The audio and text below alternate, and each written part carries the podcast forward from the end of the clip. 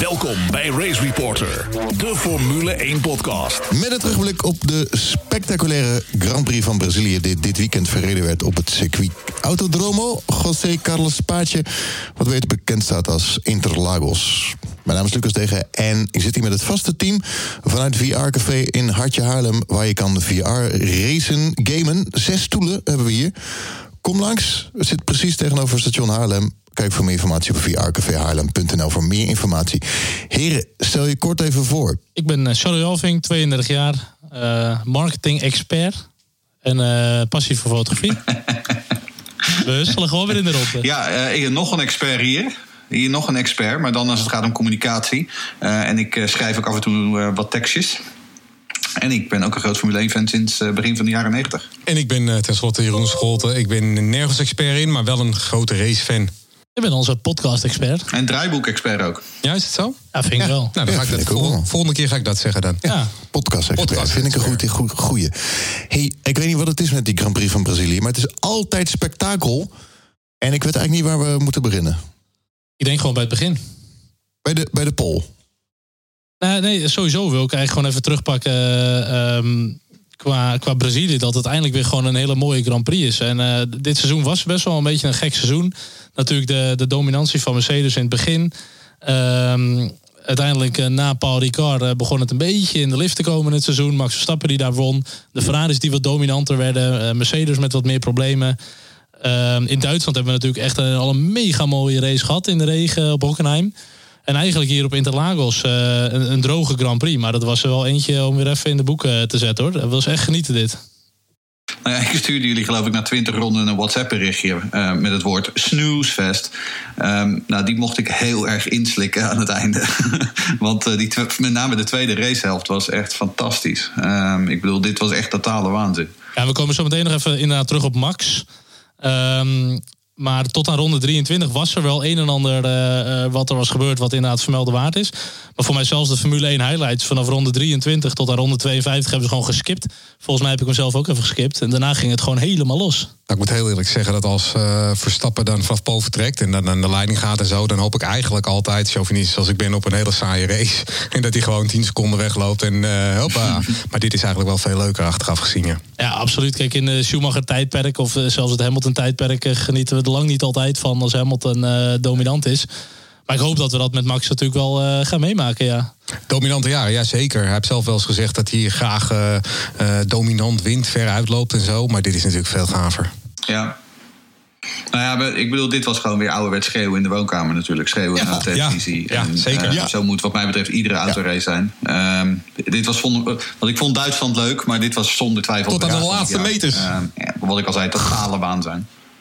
Ja, tot aan de laatste Maar meters. dan wil ik ook meteen even de vraag van Mike erbij pakken. Die vroeg ook, vonden jullie ook niet dat de inhaalacties zonder DRS beter waren dan met DRS in Brazilië? Nou, daar ben ik het absoluut mee eens. Eh, er waren echt wel wat mooie gevechten op de baan. Zonder DRS. Ja, zonder DRS. Ja, ja, Eh, Max voorbij Hamilton. ehm, ja, er staat, oh nee, dat was niet eh, zonder DRS overigens hoor. Misschien die tweede keer. Maar er waren echt wel wat mooie acties bij inderdaad. eh, waar DRS gewoon niet nodig was. Nee, maar dit lijkt me ook gewoon een principe kwestie. Inhaalacties zonder DRS zijn per definitie beter Ja, dan ja die, inhaalacties die inhaalactie van Hamilton zonder DRS op Albon was bijvoorbeeld een hele mooie. Maar ik had het, ook, ik had het, ik zat met mijn neef te kijken. En, en ik, ik, op een gegeven moment viel mij ook op. Waarom doen we niet DRS om er naartoe te rijden, maar daarna mag je het niet meer gebruiken? Dan moet je er echt voor, voor knokken. Ja, kijk, weet je, in de huidige Formule 1 is DRS denk ik gewoon een must. Dat denk ik gewoon. Op heel veel circuits heb je het echt gewoon nodig. Ja, om er naartoe te rijden. Ja. Op in, ja, nou maar ja, daarna, goed. Ja, nou ja, ik hoop dat het eh, vanaf 2021 niet meer nodig is. Want dat blijft Ja. een vervelende gadget. Maar op dit moment ja, is het gewoon precies. wel nodig. En eh, ja, het is, het, is, het is gewoon nodig, dus laat het erop. Maar ik denk ook dat dat, te- ik denk ook dat dat technisch niet helemaal haalbaar is. Om halverwege, een, eh, als je op iemand aan het inlopen bent, dat je dan halverwege opeens de DRS uitzet. En dan wordt het volgens mij ook gewoon een beetje lastig om ook daadwerkelijk die inhaalmanoeuvre Ja, en ook een beetje een, een, een, ook een, beetje een anticlimax. Dan zie je iemand die rijdt er uiteindelijk naartoe, maar die komt er dan niet voorbij. En dat, dat hebben we dit seizoen best wel vaak gehad met races. Dat je dan echt naar zo'n climax toe ging aan het einde van de wedstrijd. Er ging er nog iemand pitten. Eh, de coureurs kwamen altijd naar elkaar toe. En uiteindelijk was er dan niet een inhaalactie voor het podium, voor de leiding. En dit keer was het natuurlijk totaal andersom. Je verwachtte van, nou, misschien valt het wel weer tegen allemaal. Staan nog steeds dezelfde op, de, op het podium. Maar het tegendeel eh, bleek waar. is het dan niet een anticlimax dat de rijder er naartoe rijdt en er knalhard overheen gaat omdat je DRS heeft, waardoor de ander niet eens meer verdedigt? Dat zie ik ook regelmatig. Nou ja, wat je natuurlijk nu gewoon vooral wel veel ziet, is dat iemand er zonder DRS nog steeds hard naartoe kan rijden. Um, en vervolgens de DRS, he, door uh, de, natu de, natuur van de huidige auto's, de DRS zorgt er dan voor dat die persoon ook daadwerkelijk in kan halen. Uh, maar goed, met een beetje geluk kan dat vanaf 2021 hebben we het allemaal niet meer nodig. En dat is het met die nieuwe reglementen. Dan uh, moet die dirty air gewoon minder zijn. Dus kan je beter uh, naar iemand toe lopen en er voorbij. Maar met of zonder DRS de laatste paar races. En ook 2018 vond ik trouwens gewoon een geweldig jaar. Dus uh, ook nu zijn er gewoon goede races hoor. Ja, even, terug even naar de start. Um, Lewis stond derde. Maar uh, pakte toch wel eventjes Vettel buitenom de eerste, eerste bocht. Dat vond ik wel een goede prestatie. En dat is eigenlijk ook een beetje het geluk van Max natuurlijk. Dat Hamilton eigenlijk een beetje druk begon te zetten op Vettel. Waardoor Max in die beginfase wat makkelijker kon weglopen. Dat was wel uh, een goede uitkomst voor hem. Het weekend van Max, fantastisch weekend vanaf pole position. En uh, ja, hij zei zelfs een derde, maar officieel de tweede. En uh, super sterk weekend voor Max. Ook nog eens de snelste pitstop ooit. Waar Lewis Hamilton 3,3 deed, deed Red Bull 1,82. En nou ja, bijna drie rondes op het podium. Ja, um, sterkste weekend ooit. Uh, misschien, misschien niet. Um, feit is dat Max gewoon de snelste en de beste was. Uh, het hele weekend, uh, zowel op zaterdag als op zondag.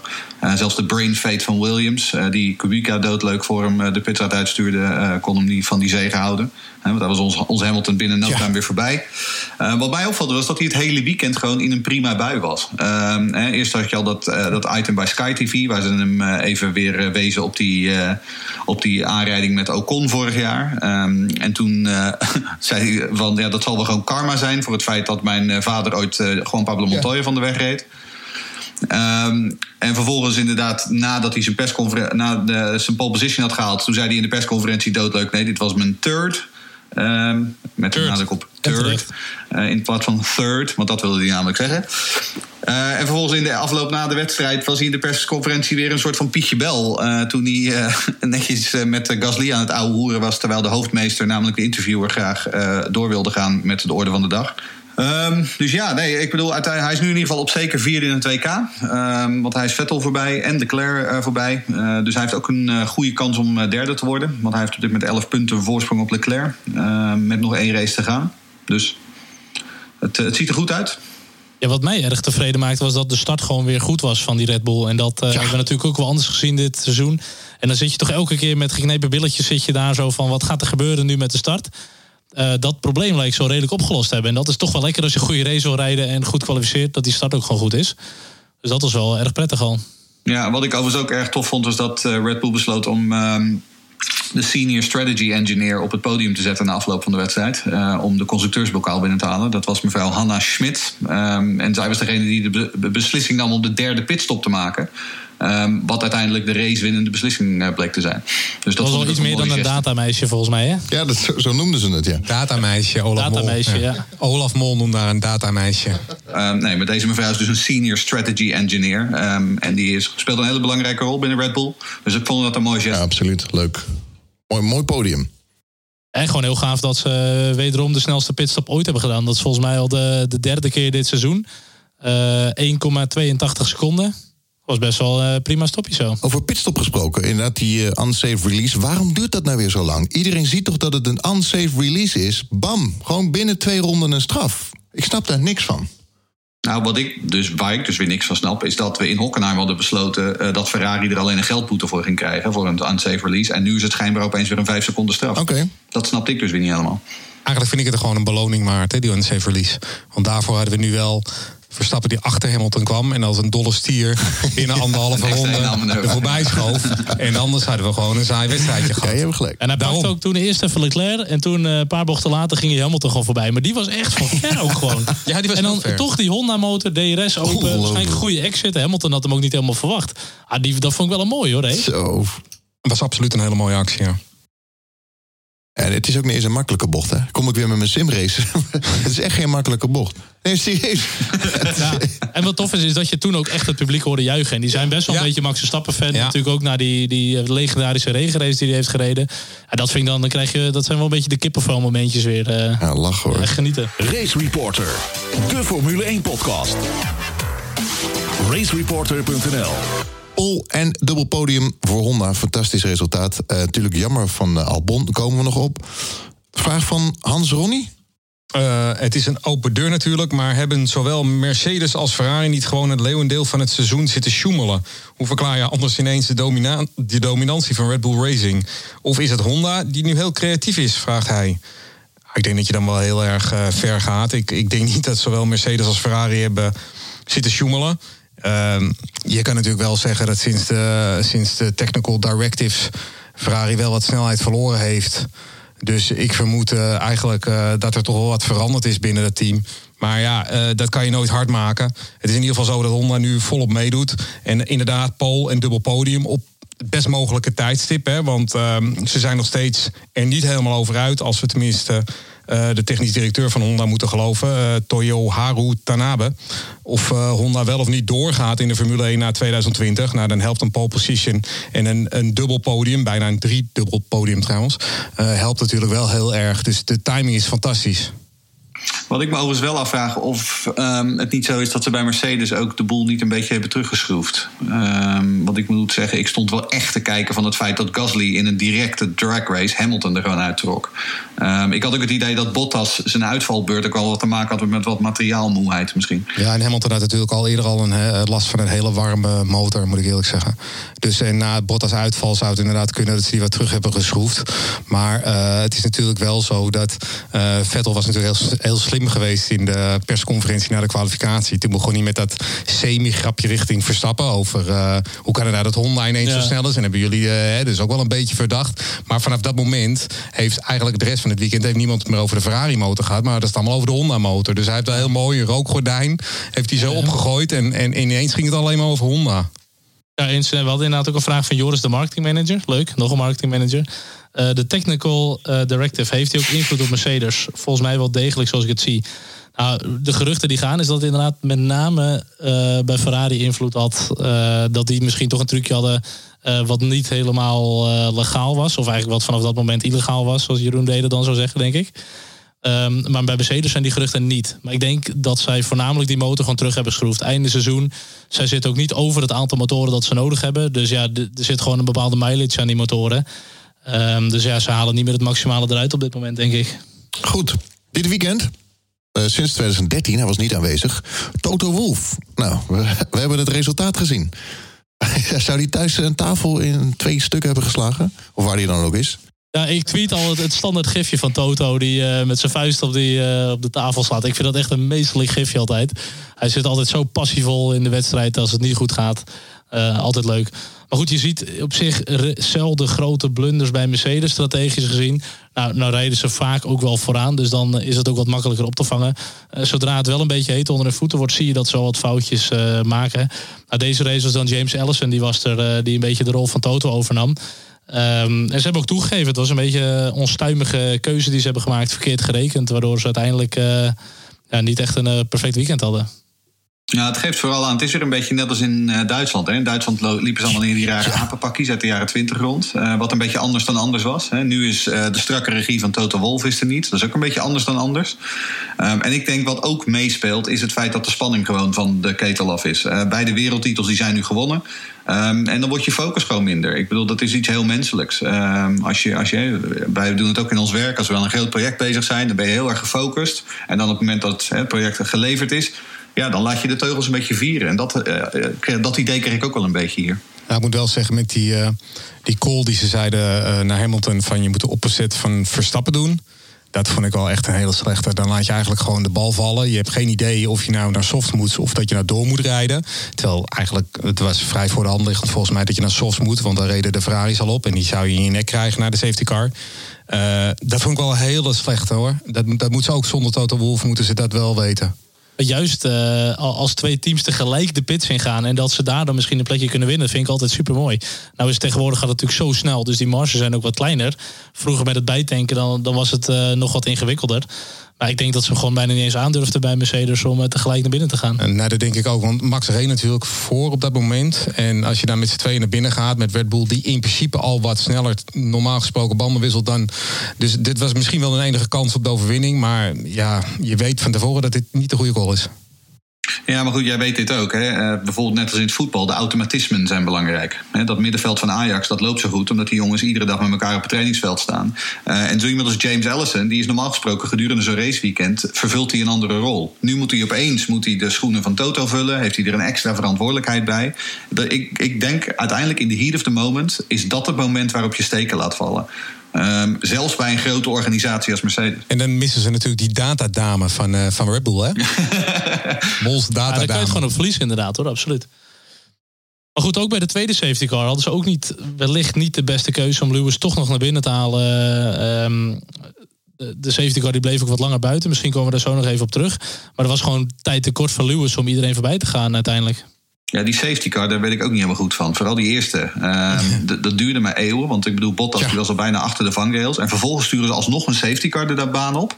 En die bleef maar buiten.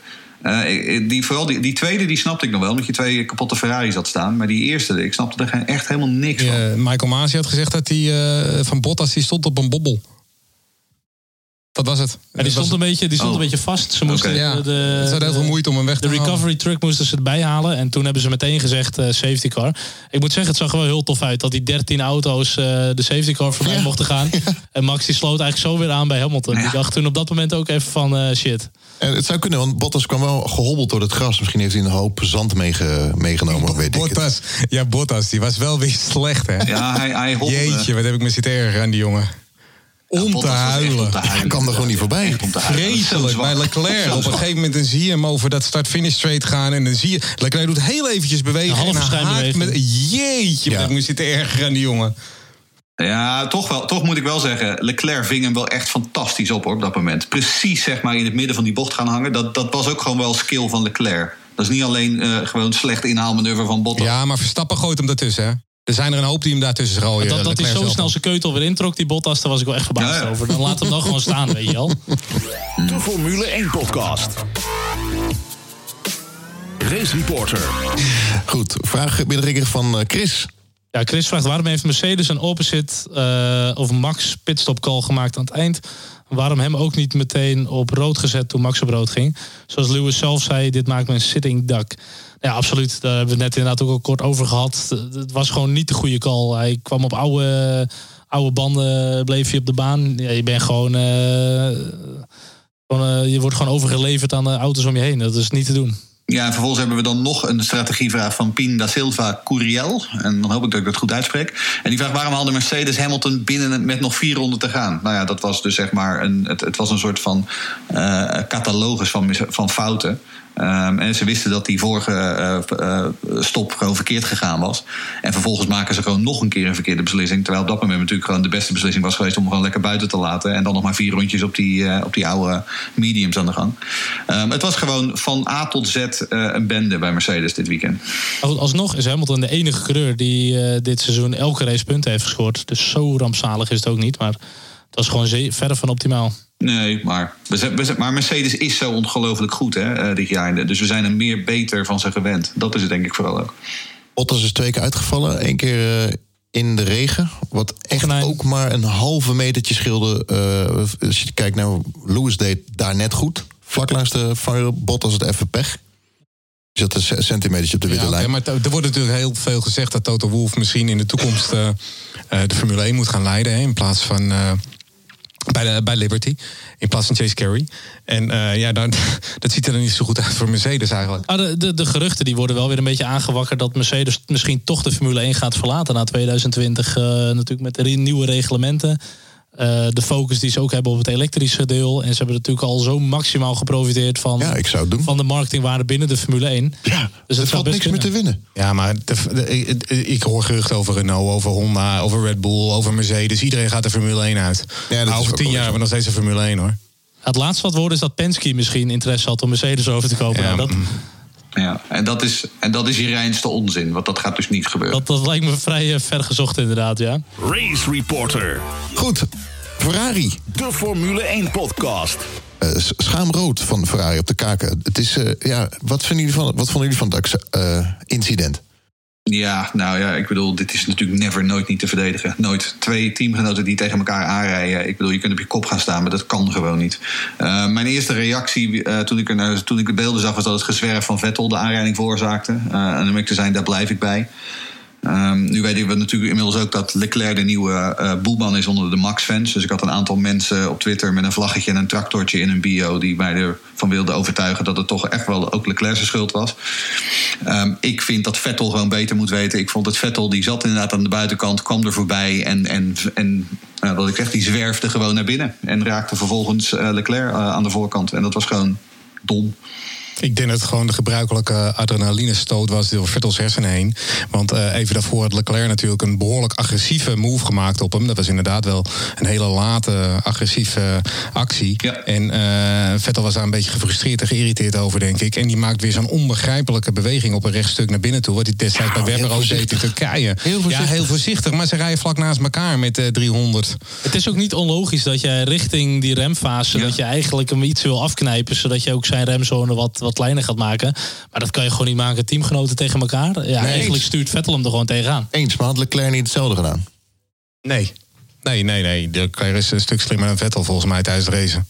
Nee, ik geloof het ook niet. Maar goed, die situatie was nu niet zo. Maar ik, ik vond Vettel hierin toch echt wel de schuldige. Ja, zeker ook als teamleider met zoveel ja, ervaring. En uh, dat, moet, dat, dat, kan je niet doen, man. Ja, het is wel weer dezelfde actie als tegen Webber.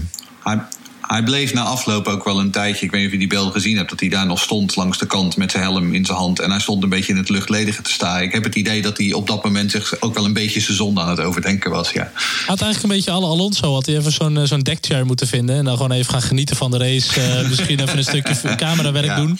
Uh, misschien gaat zijn carrière ook wel een beetje de, de route van uh, Alonso volgen. Uiteindelijk geen kampioen bij Ferrari.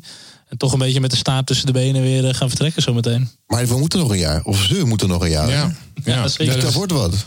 Ja, zeker. Ja. En dit was de honderdste race voor Ferrari. Hij heeft uh, elf uitvalbeurten, zag ik. Uh, een stuk of veertien overwinningen. Op zich een redelijke staat van dienst. Maar die wereldtitel gaat er niet komen. Sowieso zie ik niet zo snel een wereldtitel voor Ferrari komen. Maar zeker niet voor Vettel. Over honderdste race gesproken. Um, dit was de honderdste voor Vettel bij Ferrari. Ja. En de vorige race was de honderdste van Max. En Sainz, ja. Waar zit dan het... Ja, Vettel is één keer niet gestart voor Ferrari. Ergens een race heeft hij volgens mij gehad die, die nooit van start is gegaan. Okay. Zoiets heb ik gelezen. Oké. Okay. Hij is een keer ziek geweest, toch? Dat hij, dat hij last had van maaggriep of zo? Staat niet ik heb geen idee. Ah. Maar goed, ondertussen heeft Binotto aangegeven dat de relatie tussen Leclerc en Vettel uh, veel beter uh, is dan dat hij lijkt. Ja, ja, ja. ja. ja, ja zeker. Dat klinkt heel ja. goed. Ze gaan ook kerst met elkaar vieren, heb ik gehoord. Dus, ja, ja, absoluut. Ja, die is supergoed. Die nee, relatie. zeker. Ja, dat gaat helemaal goed komen daar. Vraag binnen van Paul van B. Voor de safety car en de fuck, voor de safety car en de fuck-up van Vettel reed Ferrari gewoon 20 tot 25 seconden achter Hamilton en Verstappen. Terwijl ze na de zomer domineerden. Jullie idee? Ja, volgens mij was het gat wel iets kleiner dan 20 tot 25 seconden. Want hij reed op zich op een andere strategie. En ik meen dat hij um, voor de safety car een seconde of 13, 14 erachter reed.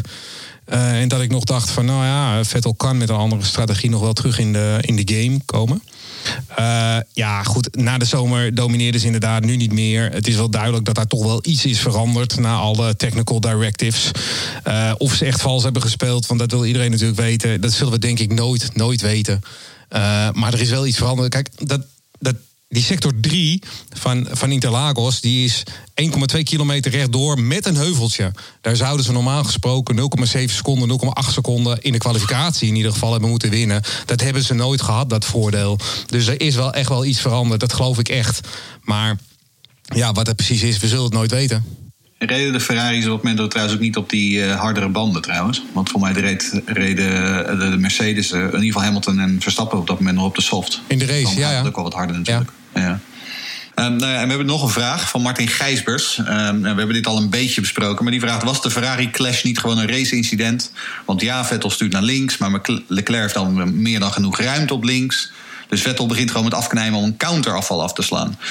Of zie ik dit verkeerd?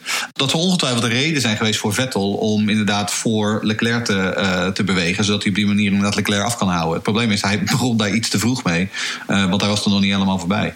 En dat had hij gewoon net iets beter in moeten schatten. Het deed me op een bepaalde manier ook een klein beetje denken aan Singapore 2018 met die twee Ferraris met Kimi en Vettel. Toen zat Max er nog tussen, maar toen knepen ze ook een beetje naar elkaar ja. toe. En dat was niet direct. Nou, ja. dat was ook Vettel die net was de ja, Vettel, Vettel iets meer de agressieve lijn te pakken. Maar het deed me daar wel een beetje aan denken. En weer gewoon een blunder met uh, bij de Ferraris. Maar dat was ook wel omdat Kimi echt helemaal buiten ieder spiegel heel goed van links uh, kwam. Maar die hield zijn lijn en Verstappen hield zijn lijn en Vettel hield niet zijn lijn. Maar goed, dat is nog een startongeval. Dus daar kan je nog wel, uh, daar heb je nog wel wat. Uh, dat je denkt, nou ja, oké, okay, ja. kan gebeuren. Maar in dit geval, nee, dit was echt wel Vettels uh, schuld. ik vind het zo grappig, want ik ben het dus niet mee eens. Dat mag. Ja, ik vind namelijk, hij, doet, hij rijdt heel voorzichtig. Ja, maar en de, Leclerc had ook je mag het er wel niet mee eens zijn, maar het is verder wel onzin. Maar je mag okay. het er niet mee eens zijn. Als, als iemand die op de snelweg heel voorzichtig van de snelweg afrijdt, mag dat dan? Nee, maar dit, ja, dit was toch ruimte? Als, wat nou, nogmaals, als het draait om. Als Leclerc het had gedaan, dan waren je het ook niet mee eens. Maar er zijn ook beelden van dat Leclerc iets naar rechts stuurt. Ja, maar nee, die, die, dat ja, ja. stuur ging een beetje gewoon van links naar rechts. Misschien iets meer naar rechts. Maar je kan gewoon niet iemand van de baan afduwen. Nee, als iemand die dit, lijn heeft. Nee, maar je hebt van de baan duwen en dit is heel voorzichtig. Daar moet ik er wel bij zeggen dat de ja. touché was echt super licht. En dat ja, wiel begon gewoon te vibreren, te vibreren, En uiteindelijk klapte de hele ophanging kapot. Dat is ook wel een beetje een freak accident. Als het een wielbanger was, dan hadden we gezegd... wauw, vet, wielbangen. Maar dat illustreert ook natuurlijk in hoeverre op die snelheden... Uh, dat zo'n kleine touché, dus gewoon zo'n band meteen helemaal naar gort kan rijden. Ja, dat package, uh, dus dat is wel het, is, het is uiteindelijk wel gewoon... Uh, gevaarlijke situatie. En onnodig, want het is je teamgenoot. En het was nu dat ook beide coureurs ja. uitvielen. Maar mocht Vettel uh, wel door zijn gereden, dan had Leclerc natuurlijk echt helemaal woest geweest. En nu zijn ze alle twee toch een beetje de pineut. De Formule 1 podcast. Race Reporter. Van de ene drama naar het andere drama. Ik uh, vond het echt heel erg zuur voor Albon die uh, op het podium had kunnen komen. Na de zoveelste safety car lag hij gewoon op een, een podiumplaats. Albon. Ja. En dan wordt er. Uh, ja, ik had mijn tweet al klaarstaan. Ja, ik zei het ja. ja. Maar hij deed, maar los daarvan, hij deed het ook gewoon goed. We hadden die herstart. We hadden vier auto's naast nee, elkaar ja, in de eerste nee. bocht. Zo wat. Ja, hij deed ik vond het Albon, hij deed het gewoon goed. Ja, nou, het is wat geflatteerd. Ja, sorry. Dan, ik, ik heb al de reputatie dat ik niet voor Albon ben. Dat is onzin. Want ik vond Albon in het gevecht, vooral met Vettel toen hij verdedigde op Vettel, vond ik echt heel cool. Vond ik echt heel cool. En hij is in het gevecht echt wel heel goed. Maar je moet ook niet je ogen sluiten voor het eerste deel van de race. En dan rijdt hij gewoon na 19 seconden, rijdt hij 18 seconden ja. achter Verstappen. Ja, dat, dat is een seconde per ronde. Daar heb ik me over voor gedaan, dus, ja. ja, maar dan heb je dus als Red Bull zijn, heb je dus niks aan hem. Als je als je terugdenkt aan Barcelona 2016. Dat was Verstappers eerste race in de Red Bull. En die rijdt dan achter Ricciardo en de twee Ferraris rijden daar. En dan gaat op een gegeven moment Vettel naar binnen. En, en, en Red Bull die haalt Ricciardo naar binnen om Vettel te kofferen. En Verstappen kan naar Rijkonen kofferen. Dat kan alleen maar omdat Verstappen weliswaar niet sneller is dan Ricciardo. Want dat kan hij nog niet in zijn eerste race. Maar wel dat hij er kort op zit. Dat hij in de buurt blijft van de koplopers. Nou, Albon opnieuw gewoon een seconde per ronde. Ja, ja, aan de ja, baan. Dat is gewoon te langzaam. En dan kan je wel zeggen, hij is een rookie en hij heeft ervaring nodig. Ja, maar een ervaring levert je geen seconde per ronde op. Dat is ook talent. Dat is ook aanleg. En dat ook, zie ik bij hem gewoon nog niet. In de eerste fase van de race was hij ook gewoon niet van strategische waarde. Want nee, in, de Max, in de Max liet hij er langs. Toen komt Hamilton en eigenlijk liet hij die er ook best wel gewoon een beetje langs. Hij deed ook niet heel veel om echt even op te houden. Terwijl elke seconde die jij hem kan ophouden, dat is gewoon ja, meegenomen voor Max. En het flatteert heel erg dat die laatste fase van de race, dan sluit hij ineens helemaal aan. Ja, dat, Maar dat toch. flatteert gewoon. Hij maar was in gevecht met Vettel. Ja, en dat gevecht doet hij fantastisch. Dat Nou hebben we al eerder gezegd. Dat doet hij echt geweldig. Maar de rondetijden rijdt hij niet. Nee, ze noemden hem toch eh, de double overtake. Ja. ja. Hij was wel mooi. Nou, Jeroen Demmerdauw, kom er maar in. Ja, het, het, het- het eindoordeel is Dat nu voor, voor Jeroen D. Uit Iemand Zweden. er heel- Vanuit Zweden. Iemand zit hier Dus heel afwachtend te kijken. Ik heb, het idee, ik heb het idee dat, we weer naar de, dat ik weer naar de podcast van vorige week of twee weken terug zit te luisteren. Eh, het lijkt wel een herhaling, joh. Er is zo'n klein R'tje boven in beeld, zo, net als vroeger. Ehm, nee, ja, goed. Oké, dus, Albon, dus Albon is niet zo snel als Max Verstappen. Nou, dan hebben we dat ook eh, vastgesteld. Kunnen we daar ook weer mee verder. Ehm, ja, hij deed bijna alles goed, wat mij betreft. Ehm, inderdaad, nog steeds niet snel genoeg. Maar ehm, hij was gewoon op weg eh, naar een prima podium. Eh, deed die inhaalpoging goed. Het incident met Hamilton, ik vind het een 50-50. Eh, ook om, ondanks het feit dat Hamilton de schuld op zich nam. Ehm, ik vond dat Albon erg veel ruimte liet daar. Ehm, en toen hij dan vervolgens die ruimte liet, toen was hij daarna weer heel brusk met insturen. Uh, dat had hij net iets slimmer op mogen lossen. Maar goed, nogmaals, hè, het is een rookie. Ook al wil Jeroen uh, Scholt het niet weten. Uh, maar goed, dat eerste podium, dat komt vanzelf wel. volgend jaar kan hij een heel seizoen kan hij, kan hij zich gaan meten met Max. En ik vermoed dat het wel beter wordt volgend jaar. Nog heel even over die, die inactie van Lewis. En, want Jeroen D. jij zegt, hij gaf te veel ruimte. Maar die bocht is ook wat lastig. Je, schiet, je glijdt daar een soort van naar buiten.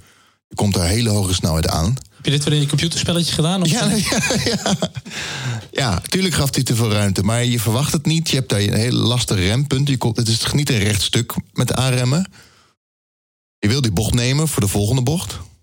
Nee, het is een lastige bocht, daar ben ik wel met je eens. Maar weet je, ook dit weer. Daarom is Albon een rookie. Wat we ook weer niet moeten vergeten. Dit was de eerste keer dat hij van zijn leven op Brazilië reed. Um, dus weet je, die is nog steeds dat eh, circuit aan het leren kennen. Het is niet zo gek dat hij een inschattingsfoutje maakt. En nogmaals, dat podium, dat komt er wel.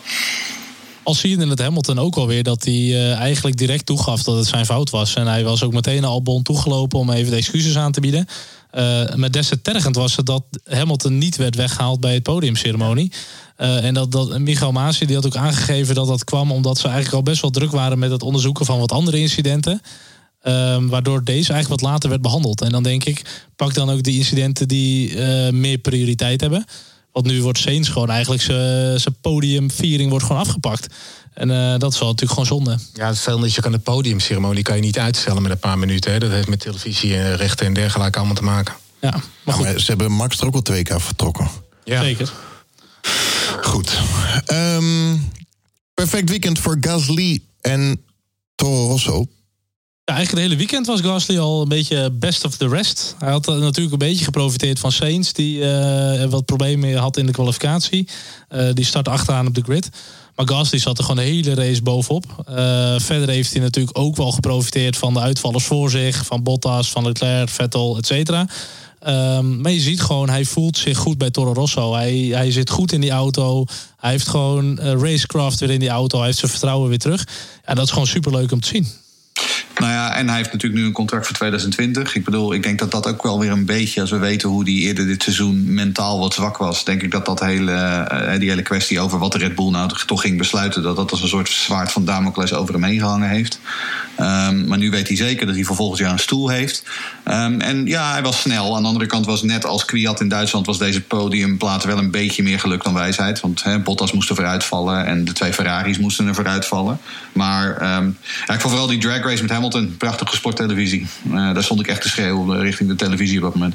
Oh, dat ja, de, de camera's die schakelden op een gegeven moment uh, over naar Max... die over de finish ging. En in één keer komt dat shot in beeld van, uh, van Gasly met Hamilton ernaast. Dat je denkt holy shit, wat gebeurt hier, jongen? Drag race naar de finish. En dan denk je, ja, die Mercedes die trekt hem heuvel op er wel voorbij. Maar dat gebeurde gewoon niet. En ik denk toch dat Gasly gewoon een goede exit had. Hij, had gewoon, hij gaf best wel weinig ruimte. Ja, zeker. Hij gaf ook gewoon weinig ruimte aan Hamilton. En ik, ik denk ook dat Honda wel echt alles uit die motor heeft geknepen wat ze hadden. Kijk, Hamilton moest er natuurlijk al naartoe rijden. Uh, dus hij had natuurlijk maximum attack mode. Uh, weet ik dat, uh, modus 11 wat ze de, de, beste modus die ze hebben. Maar wel heel, heel vet dat ze echt uh, als eerste over de finish kwam. Uiteindelijk maakte het natuurlijk niet uit vanwege de penalty van Hamilton. Maar ja, het gaf wel een mooi sausje erover. En inderdaad, nu het derde podium voor Toro Rosso in de Formule 1. Uh, tweede podium voor Toro Rosso dit jaar. En de eerste voor Gasly. Dat is natuurlijk ook wel een, een speciale. En, volgens mij de eerste keer in, in een miljoen jaar dat, dat er twee, twee podiumplekken werden gevuld door de niet-topteams. Ja, dat zou best kunnen, ja. Toch? Ja, het is wel best een tijd geleden. Ik weet uh, 2014 nog, twee McLaren's. Maar ja, toen waren McLaren's misschien nog wel toppers. En het was wel leuk om te zien dat eigenlijk het hele podium uiteindelijk is gevuld door uh, Red Bull Juniors. Met Max, uh, Gasly en ook Sainz natuurlijk. Ik heb Sainz niet gezien op het podium. Nee, sorry. Ja, ze hebben daarna nog even een fotoshoot gedaan. Ja, oh ja, Photoshop. Ja. ja. Photoshop. Misschien kan jij een van je legendarische Photoshops er even op loslaten. je weet, ja. Um, Matthijs Im, uh, Immink heeft ook nog een vraag uh, gesteld. Hij vroeg had Hamilton in het laatste stuk Gasly in kunnen halen als zijn voorvleugel niet beschadigd was, of maakt dat dit verschil niet? Nou, ik denk dat dat uh, minimaal van invloed is. Um, natuurlijk zal het niet meehelpen. Sommige mensen zeiden ook dat Hamilton zijn stuur niet helemaal meer recht stond. Wellicht toch door die uh, touché met Albon. Um, het kan iets uitmaken. Maar ik denk dat, gewoon, uh, dat die motoren gewoon niet vol openstaan met Mercedes. Ik denk dat het gewoon weer complottheorie is. Dat hij ze inhield. Dan gaan we ooit de, de complotcast verhouden dan. Race Reporter. De Formule 1 podcast. Goed, hij was officieel niet te zien op het podium. Maar toch gehaald vanaf 20ste plek geloof ik. Naar het podium. Derde. De eerste podium voor Carlos Sainz. McLaren weer uh, ja, op het podium. Fantastisch. Sinds 2014. Ja, nee, uh, voor mij de man van de wedstrijd. Um, en ik weet dat ik nu een hoop Max Verstappen fans tegen me in het harnas jaag. Maar um, wat deed met die McLaren was, uh, was uitstekend. Uh, betekent ook dat McLaren nu officieel vierde in het WK is geworden voor Renault. Um, dat is uiteindelijk natuurlijk ook een prima prestatie. en ik denk dat dit voor Sainz een bekroning is van ook een uitstekend seizoen. hij heeft natuurlijk het hele seizoen rijdt hij al uit, uitermate sterk. Wat voor McLaren natuurlijk ook fijn is, is dat Norris weer in de punten rijdt. Dus ja, nee, ik ik ben erg benieuwd naar hoe McLaren door gaat groeien in 2020. Ik vind wel grappig dat uh, uh, Renault weer verslagen is. Ik heb namelijk afgelopen weekend het, uh, die Netflix-serie afgekeken. Met die strijd tussen Haas en Renault. En nu verliezen het van McLaren. Natuurlijk, vorig jaar hebben ze gewonnen van Haas. Maar... Renault verslaat zichzelf ook wel een beetje natuurlijk met Ricciardo. Die had daar natuurlijk ook in de buurt kunnen rijden. Zeker omdat die vier toppers wegvielen. Ja. Toch heeft McLaren ook Renault wel een beetje gered. Hè? Want anders hadden ze gewoon geen podium gehad dit seizoen. Dat is waar. Um, en nu kunnen ze toch met een statistieke pronken, kunnen ze toch met de statistieken pronken dat een van hun motoren nog het podium heeft gehaald dit seizoen. Ja, het is natuurlijk gewoon om te huilen. Ja, maar dan kan je vragen om een foto van het podium en dan ziet niemand hem. dus je kan het niet bewijzen. Maar het is wel grappig. Uh, we hebben een keer eerder gehad een, uh, een podiumplek voor overwinning zelfs van achter de tafel. 2003, Fisichella, Kimi Räikkönen. 2003, Fisichella en de ja. Jordan. Ja, maar ook met uh, Schumacher toen met zijn plank onder zijn auto in Spa. Die zijn ook, uh, dat was ook een overwinning volgens mij zelfs. Die, uh, ja, en toen kwam Jos ja. op het podium. Dus uh, is wel vaker gebeurd. Maar goed, ze hebben wel heel lang droog gestaan met McLaren. Het was 2072 dagen, 118 races.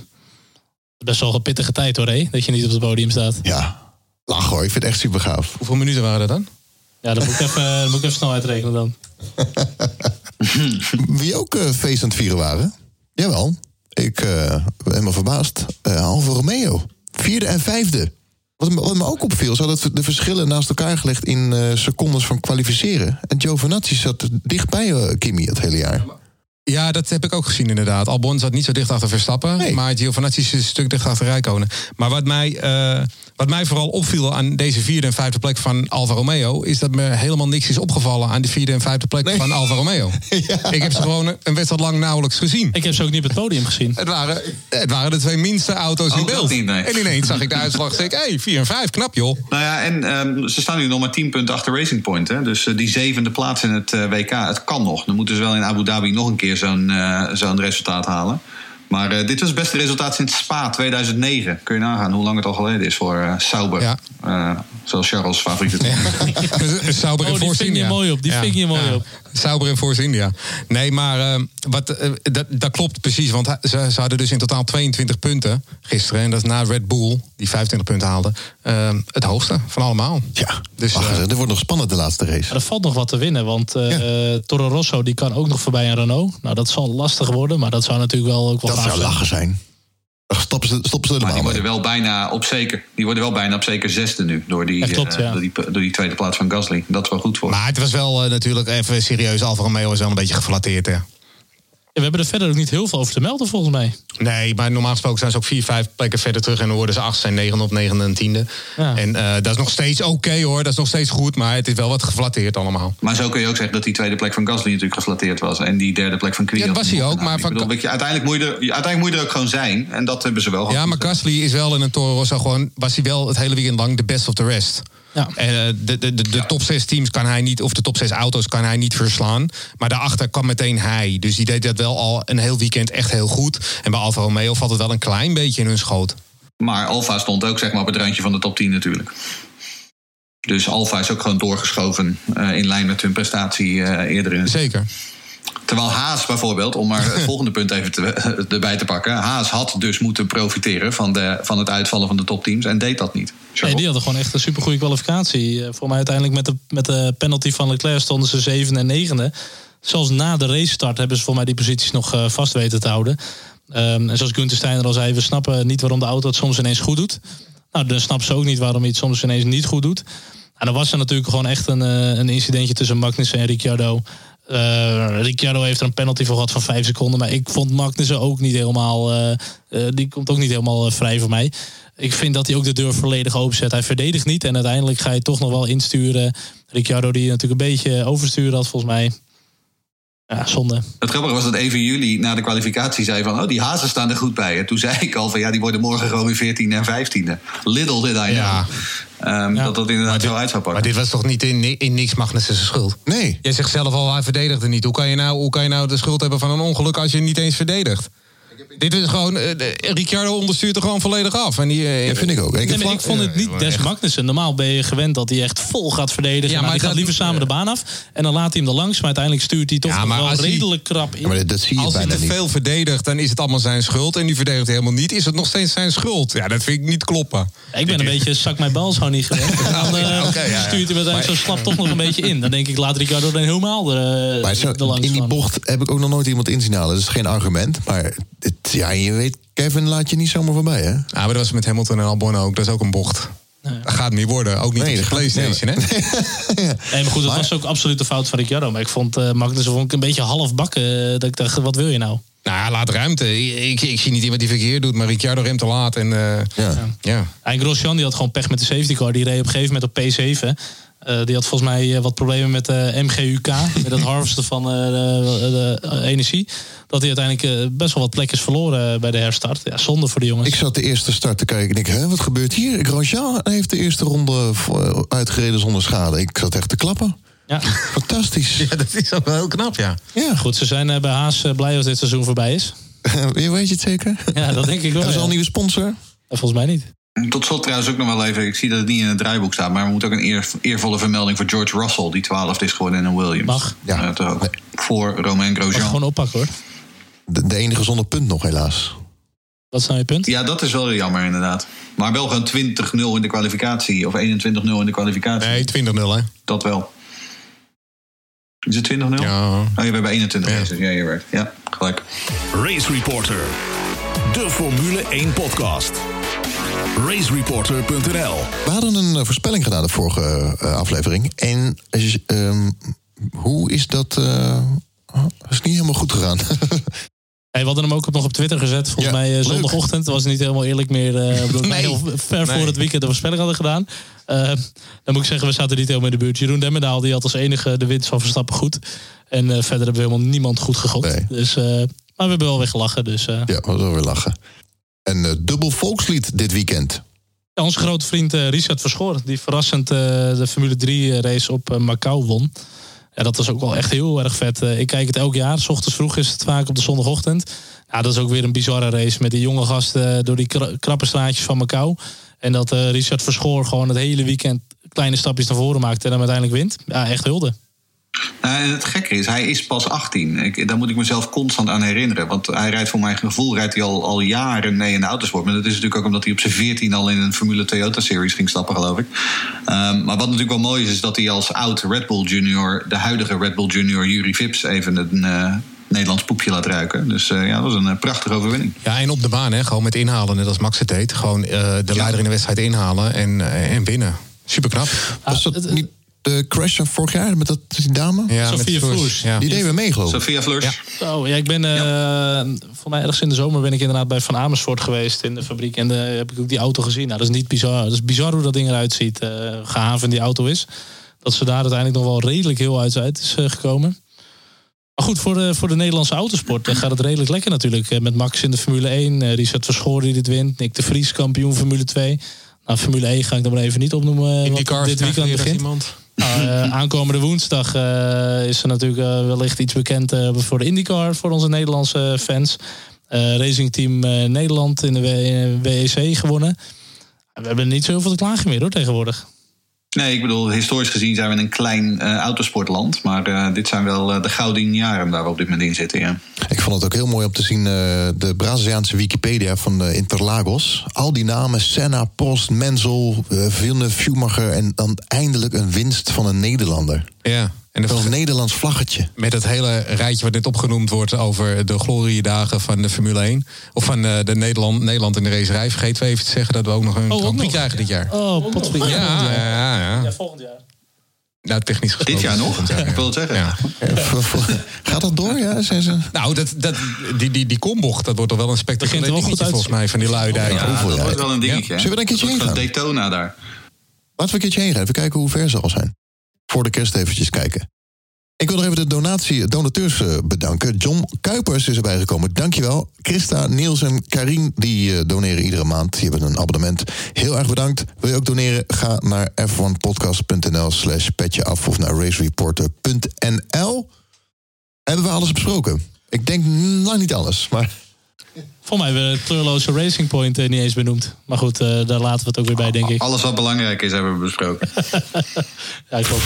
Nee, maar dit was echt wel... eh, Wat een mooie race. ja, maar je kan, je kan nog wel een uur doorlullen over deze Nou, race. laten we dat doen. Eh, we beginnen bij de poll. Wie had hem ook alweer? Was het nou de derde of de tweede? Ah, het was sowieso niet die pol. Tot zover de nabeschouwing op de spectaculaire eh, Grand Prix van Brazilië op Interlagos. Over twee weken de seizoensfinale in Abu Dhabi. Dan eh, kan Max Verstappen definitief derde worden in het WK. En eh, volgende week de voorbeschouwing op die Grand Prix van Abu Dhabi. Like, share, doneer en reageer via onze sociale kanalen. Natuurlijk volg ons op Facebook, Instagram en Twitter. En kijk op racereporter.nl. Dank voor het luisteren. En eh, heren, dank voor jullie bijdrage. Ja, graag gedaan natuurlijk. Obrigado. Obrigado. Hoi hoi.